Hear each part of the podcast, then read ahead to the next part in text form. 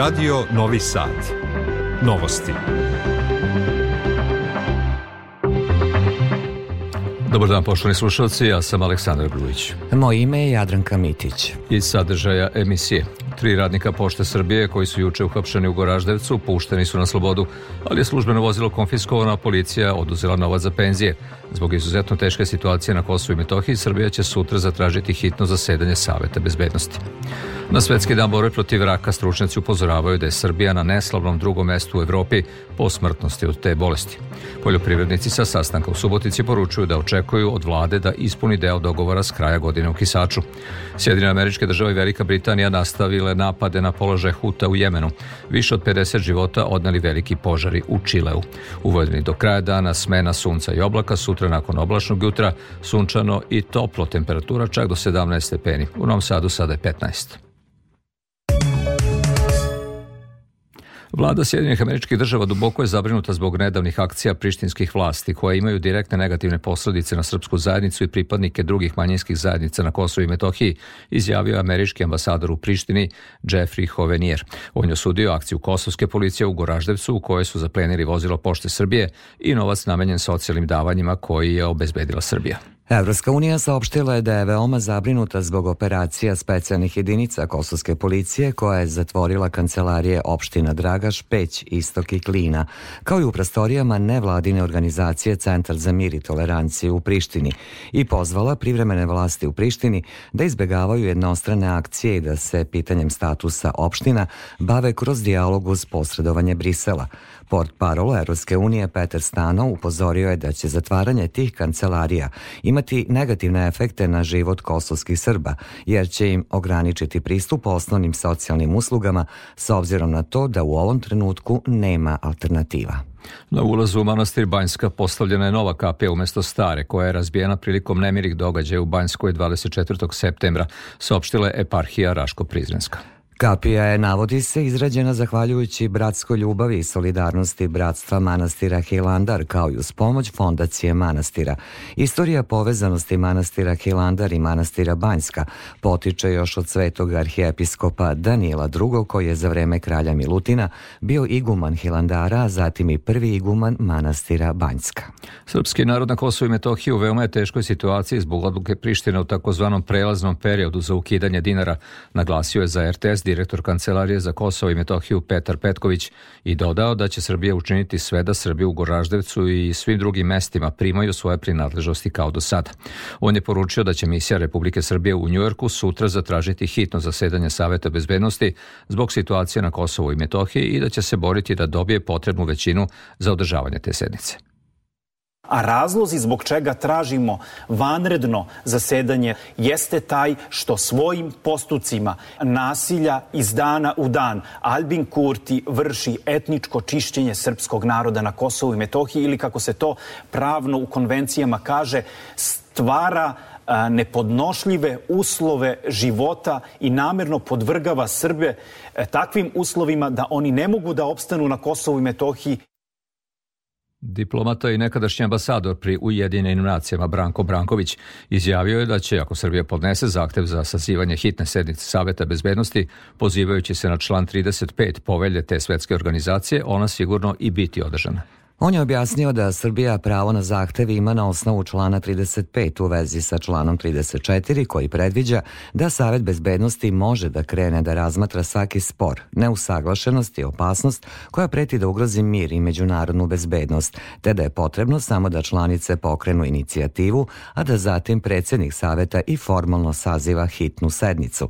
Branković je podsjetio i da je za usvajanje predloga potrebno devet glasova, a da Srbija za sada može da računa Шунана 2. Kinu i Rusiju. Ambasador Narodne republike Kine u Srbiji Li Ming izjavio je da je stav kineske strane o pitanju Kosova i Metohije dosledan i jasan i da Kina čvrsto podržava napore Srbije da zaštiti svoj nacionalni suverenitet i teritorijalni integritet. On je za list politiku izjavio da Kina razume legitimnu zabrinuto srpske strane o pitanju Kosova i Metohije i da ceni pozitivne napore Srbije uložene u traženje političkog rešenja za to pitanje, koja je tačka rizika za Balkan i Evropu, a politička političko rešenje u interesu je svih strana i zahteva njihovo stalno zalaganje. Danas je svetski dan borbe protiv raka. Svake godine više od 19 miliona osoba oboli od nekog oblika raka, a 30 do 50% svih oblika te bolesti može da se spreči zdravim načinom života, redovnim pregledima i blagovremenim lečenjem. Srbija je međutim još na neslavnom drugom mestu u Evropi po smrtnosti od raka. Godišnje boli više od 40.000 ljudi, a bitku s bolešću izgubi 20.000, upozoravaju stručnjaci na svetski dan borbe protiv raka. Beleži Jasmina Dabić. Karcinom pluća najčešće je diagnostikovan oblik karcinoma kod muškaraca u Srbiji, a naša zemlja zauzima i prvo mesto u Evropi po broju umrlih od te bolesti. Sumornu statistiku jedino bi popravili preventivni pregledi. Pluće bi trebalo snimiti jednom godišnje, a pušači stariji od 40 godina trebalo bi da provere i plućnu funkciju, kaže pulmolog na Institutu za plućne bolesti Vojvodine doktorka Lidija Vrtunski-More. Iz tih preventivnih pregleda se iznedrilo i dokazalo jedan određeni postotak naših građana kojima smo otkrili na vreme da imaju bolest i ti ljudi su na vreme počeli i da se leče. U samom smo vrhu i po broju umrlih od raka dojke ili raka grlića materice, bolesti koje mogu da se na vreme otkriju i leče. Jednom godišnje savetuje se preventivni pregled podsjeća ginekolog-onkolog dr. Goran Malenković ženi u reproduktivnom dobu treba ginekologa kušer. Ženi posle perioda reprodukcije bitan je ginekolog onkolog. Zašto? Zato što upravo taj ljudski faktor je bitan da onaj ko gleda spozna promenu u pravom momentu i da pravovremeno reaguje. Jer sve oko karcinoma grlića matrice se svodi na prevenciju. Prema svetskim podacima, gotovo 40% malignih bolesti može da bude sprečeno promenama loših životnih navika, ako, na primer, ostavimo pušenje, smanjimo telesnu težinu i budemo fizički aktivniji. Povodom Svetskog dana bore protiv raka, službe Preventivnog centra Doma zdravlja Novi Sad organizovaće preglede na nekoliko punktova u gradu. Sutra od 9 do 12 sati u tržnom centru Merkator i utorak u Univer Eksportovom objektu 021 na Sent Andrijskom putu. Takođe od 9 do 12 građani će moći da prekontrolišu šećer u krvi, krvni pritisak i puls, izračunaju indeks telesne mase i utvrde sadržaj ugljen monoksida u izdahu kod pušača. Biće organizovane i obuke o značaju ranog skrininga za rak pluća i za samopregled dojke i testisa, dok će se služba stomatologije priključiti savetima o očuvanju zdravlja zuba i usne duplje. Ovo su novosti prvog programa radija Radio Televizije Vojvodine. Predstavnici 15 udruženja poljoprivrednika iz Srbije održali su u Subotici sastanak i doneli odluku da nadležno ministarstvu upute zahtev za sastanak radi rešavanja problema, posebno ističući problem prevođenja gazdinstava u pasivni status i 160.000 poljoprivrednika koji imaju nerešene obaveze prema Fondu za penzijsko i invalidsko osiguranje. Predsednik Skupštine udruženja poljoprivrednih proizvođača Subotice Miroslav Matković rekao je i da još nema povoljnih poljoprivrednih kredita kredita što je dogovoreno na sastanku sa ministarkom poljoprivrede Jelenom Tanasković i premijerkom Anom Brnabić prošle godine u Kisaču. Treći od zahteva što je bilo, to je e, dogovoreno iz Kisača, znači za kredite sa jednim postom kamate za poljoprivrednike. Kada će da krene u realizaciju, očekujemo da već krene što pre. Novosti Radio Novog Sada. Da bi skrenuli pažnju državi na stanje u obrazovanju, dekani osam Beogradskih fakulteta, Društvo direktora škola Srbije i sva četiri reprezentativna sindikata u prosveti pripremili su platformu za spas obrazovanja u Srbiji. Platforma sadrži četiri tačke sa predlozima za poboljšanje kvaliteta obrazovanja, koje smatraju na vrlo niskom nivou i mora se prilagoditi vremenu u kojem živimo. Pojedinosti Jovana Golubović. Loši rezultati na PISA testiranju pokazuju da deca uče za ocene, a ne da bi nešto saznali i to kasnije primenili, kaže potpredsednik Unije sindikata prosvetnih radnika Srbije Zvonimir Jović i dodaje da je zabrinjavajuće i to što sve manje dece odlučuje da nastavi obrazovanje posle srednje škole. U prvoj tački platforme navodi se da bi država trebalo da preuzme odgovornost za obrazovanje kao delatnost od prioritetnog javnog značaja nacije i društva, te da je potrebno donošenje nove, jasne i ostvarive strategije obrazovanja. Pisanje takve strategije pored predstavnika države trebalo bi da učestvuju svi oni relevantni predstavnici koji znaju tačno određene delove te prosvetnog sistema kako bi napravili strategiju koja će dovesti do toga da obrazovanje u Srbiji bude na potrebnom nivou. Planove i programe trebalo bi stalno usavršavati da bi bili u skladu sa temama i vremenom u kojem se sprovode, a fond časova i predmete koji se izučavaju trebalo bi svesti na meru koja se oslanja na tradicionalni koncept obrazovanja u našoj zemlji, objašnjava Jović. Napominje da je pri tome važno voditi računa da imamo dovoljno visoko obrazovanih koji će doprineti bržem razvoju društva. Mi u sada imamo situaciju da se forsira dualno obrazovanje, jeste to lepo, jeste da se deca zapošljavaju i sve to stoji, Međutim, da li treba forsirati dualno na uštrb onog opšteg i na uštrb uh, obrazovanja dece koje će ići na fakultet i dece koje će se školovati za recimo nastavničke smerove? Preostale tri tačke platforme odnose se na bolji odnos prema nastavničkoj profesiji u društvu. Predlog je da plate nastavnika budu 30 do 50% veće od prosečne zarade u državi, kao i da autoritet nastavnika bude zaštićen uz podršku medija u promovisanju nastavničkog zanimanja. Da bi učenici radije upisivali fakultete koji školuju deficitaran kadar u školama, ideja je da budu podstaknuti rešavanjem stambenog pitanja i regionalnim stipendijama, da bi se nakon školovanja vratili i radili u svojim sredinama. U našoj zemlji naučni časopisi ne uživaju pažnju koju zaslužuju i u poređenju sa sličnom literaturom u inostranstvu u znatno su lošije materijalnom položaju. Skrajnuti su, mada se podsjećaju stručnjaci, finansiranjem tih časopisa ulaže i u nauku. Pojedinosti Marija Maleš. Kao što se nedovoljno ulaže u škole i praktičare, tako se malo ulaže i u nauku i pedagoge koji se bave razvojem nauke o vaspitanju, kaže za Radio Novi Sad Bojana Perić, prkosovački i urednica pedagoške stvarnosti naučnog časopisa sa tradicijom od 60 godina. Mislim da danas nemojte mi zameriti, ali obrazovanje nije prioritetna oblast kojom se naše društvo bavi i možda smo zato baš u tim problemima u kojima jesmo. Pokrinjski sekretarijat za obrazovanje na redovnom konkursu opredeljuje novac za finansiranje tog časopisa koji je dovoljan za tiraž od 50 primeraka. U bolja vremena tiraž pedagoške stvarnosti bio je 400. To je vrlo važno napomenuti da je e, nekada u tom najboljem periodu časopis imao pet dvobroja. I sada ako bi izračunali da u svakom broju imamo do 10, a bilo je nekada i više članaka, radova, koliko je to na godišnjem nivou izdatih radova, da li teorijskih ili praktičnih. A danas, evo u pedagoškoj stvarnosti, ovaj poslednji broj ima sedam članaka. Časopis Pedagoška stvarnost od 2017. izlazi dva puta godišnje, što je sudbina većine domaćih časopisa tog tipa, kaže Bojana Perić-Prkosovački. Inače, 2002. godine Ministarstvo za nauku Republike Srbije procenilo je da je časopis Pedagoška stvarnost publikacija od posebnog interesa za nauku. Svet u drugom talasu vazdušnih napada koje su izveli avioni Sjedinjenih američkih država i Velike Britanije kao i razarači američke bornarice ispalivši rakete Tomahawk iz Crvenog mora pogođeno je 36 ciljeva na 13 lokacija jemenskih pobunjenika Huta. Centralna komanda američke vojske saopštila je da je uspešno uništena protibrodska krstareća raketa koja je bila spremna za lansiranje na brodove u Crvenom moru. Huti gotovo svakodnevno raketama ili dronovima napadaju komercijalne i vojne brodove koji prolaze kroz Crveno more i Adenski zaliv u znak podrške palestinskoj militantnoj grupi Hamas u ratu protiv Izrela.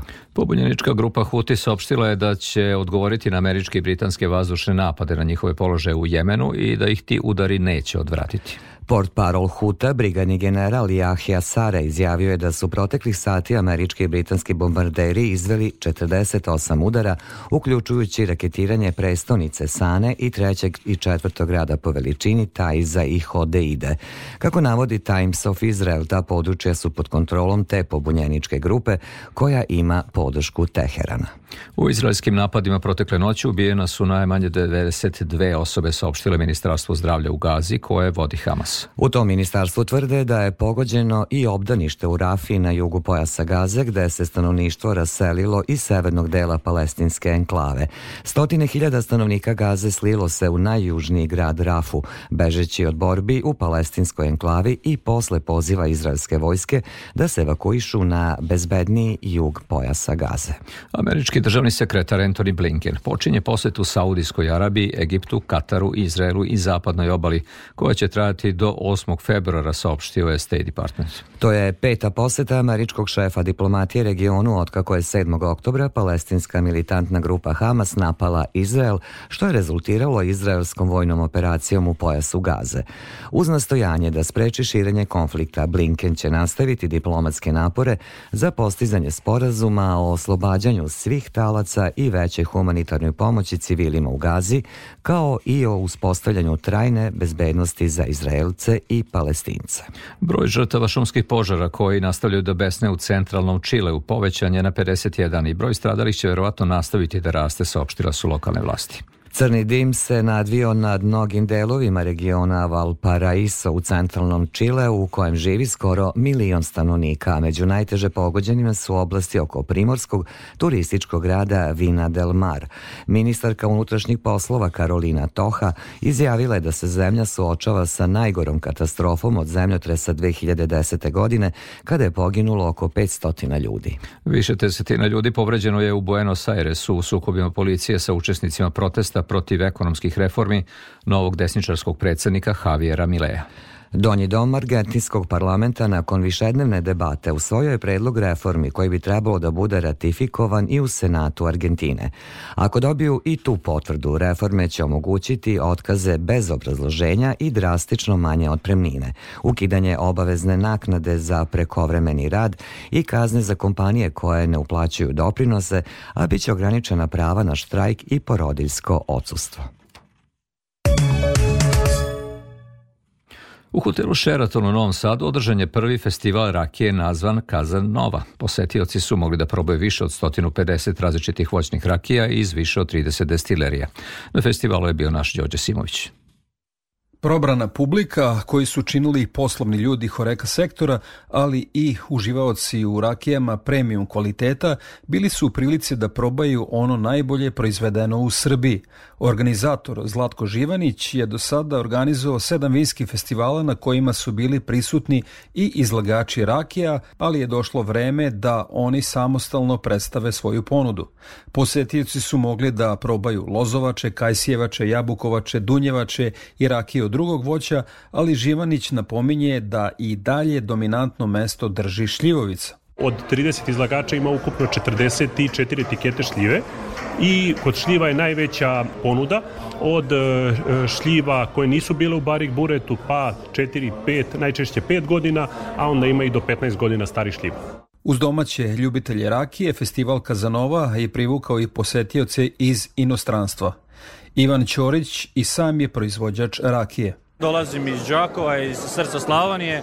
Čuli smo na internetu za ovaj festival i odlučili smo se doći ovdje e, i jako smo oduševljeni znači izborom rakija. Godišnje 800 registrovanih proizvođača u Srbiji proizvede 30 miliona litara rakije. Procenjuje se da se još toliko u domaćinstvima proizvede za sobstvene potrebe. Gotovo svi izlagači koji su se predstavili na festivalu Kazanova svoje destilate uz domaće plasiraju i na inostranom tržištu.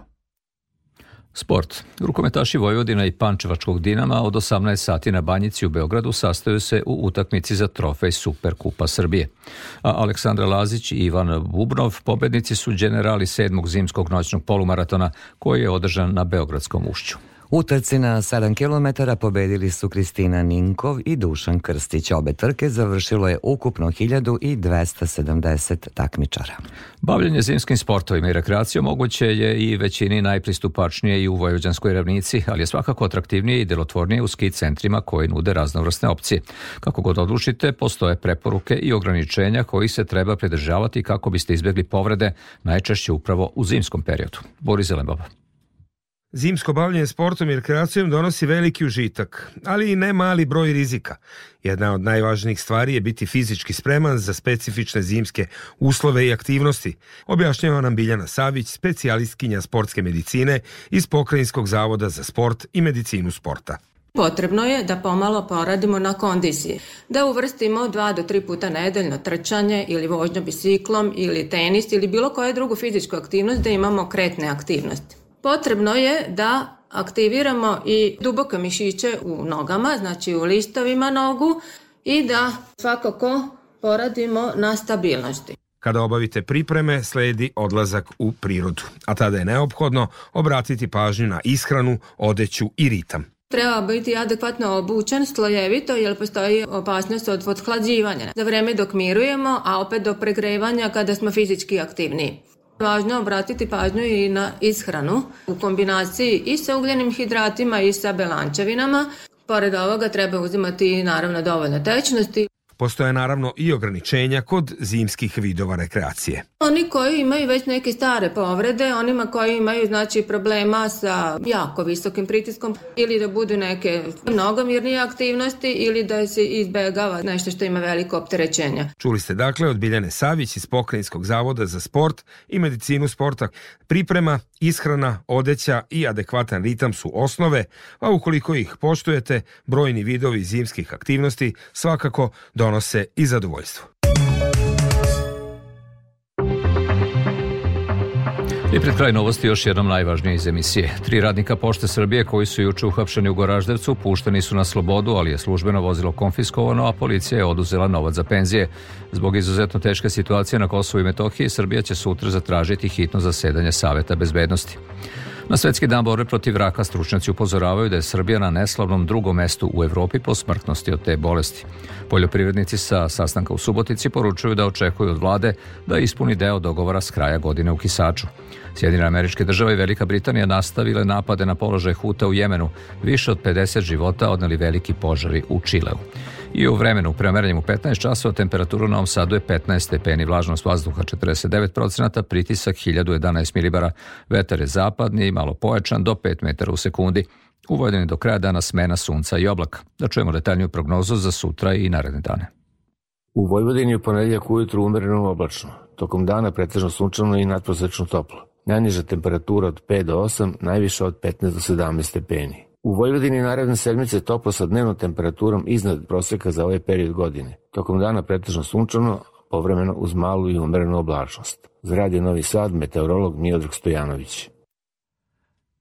Slušali ste novosti prvog programa radija javne medijske ustanove Vojvodine. Sve informacije pronađite i na našoj internet stranici na adresi rtv.rs, gde novosti možete da čujete i odloženo. Pratite nas i na društvenim mrežama. Tonska realizacija Olja Čipanov, Aleksandar Grujić i Jadranka Mitić žele vam prijatan ostatak dana. Ostanite uz Radio Novi Sad, u 15 časova i 30 minuta počinje emisija o sportu, sport i razonoda.